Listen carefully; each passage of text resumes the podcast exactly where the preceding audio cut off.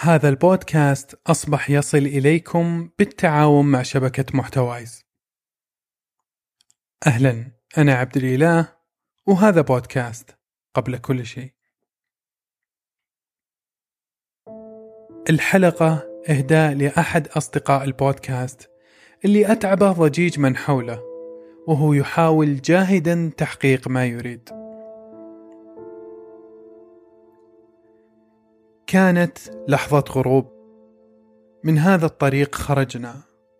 قبل يوم قبل شهر قبل أيام أكبر من العد بلحظاتها المليئة بالمحاولة والانكسار والإحباط. وكل ما أنظر إلى تلك الابتسامة التي تبعث بالتفاؤل وكأنها تقول لي لا تنسى العهد. لقد علمني أستاذي بأن الأحلام لا بد لها أن تتحقق. مهما طال الوقت مهما حاول أحد اقتلاع ما نرغب به. حتى وإن كان ما نرغب هو من أبسط حقوقنا. وكل اللي يتوجب علينا فعله هو أن نتحرك باتجاه أهدافنا وبغض النظر عما يرغب به الآخرون. يا صديقي لا تقصص وجعك على إخوتك على من حولك على من تشعر بأنه يشعر بك فيكيد لك كيدا بل أكمل الحكاية أكمل الحكاية فالليل طويل. يجب أن تكون حكايتك لائقة بك.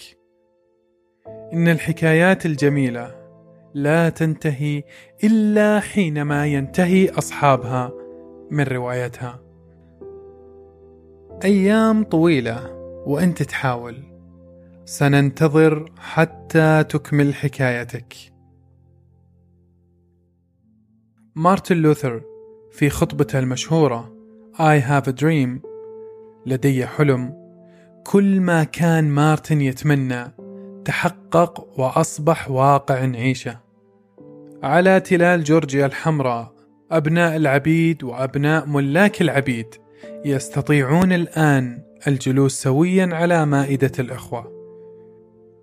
وولاية ميسيسيبي الولاية اللي تغلي بنيران الظلم وتغلي بنيران الاضطهاد غدت واحة للحرية والعدل. أطفاله الأربعة يعيشون وين ما يبغون ويختارون المكان اللي يحبونه لا بحسب ألوان بشرتهم. وفي ولاية ألاباما تشابكت أيادي الأولاد والبنات السود مع الأولاد والبنات البيض الصغار. كل ما كان يتمنى مارتن لوثر في خطبته المشهورة أصبح واقع نعيشه ونشوفه كل يوم. يقال أن الخليفة المأمون أحب الشعر ولكن لم يكن بشاعر.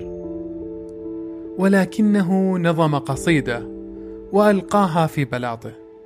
ألقاها أمام حاشيته وضيوفه وكان بينهم الشاعر أبو نواس. بعد ما انتهى من كلامه الركيك والضعيف صفق لها المطبلون وحيوا بلاغته النادرة.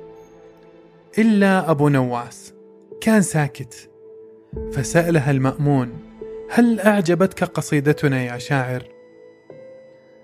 رد عليها أبو نواس لا والله لم تعجبني ولم أشم منها أي رائحة للبلاغة. فغضب منه المأمون ثم مال على حاجبه. وأمره أن يلقي بأبو نواس في الإسطبل مع الخراف والحمير. وبقي فيه شهرا كاملا. ثم دعي مجددا في بلاط الخليفة. وتكرر الاختبار. ألقى المأمون قصيدته الجديدة واللي كانت أسوأ من الأولى.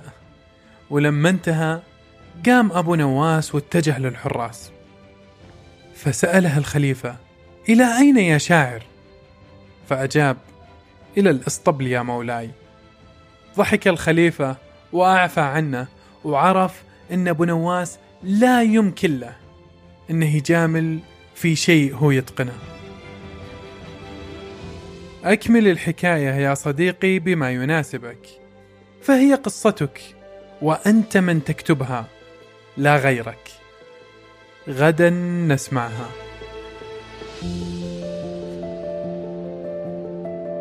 في الأسبوع القادم راح نتكلم إن شاء الله عن الابتذال وكيف أن الابتذال طمس إنسانيتنا وأثر عليها بشكل عجيب. في أمان الله.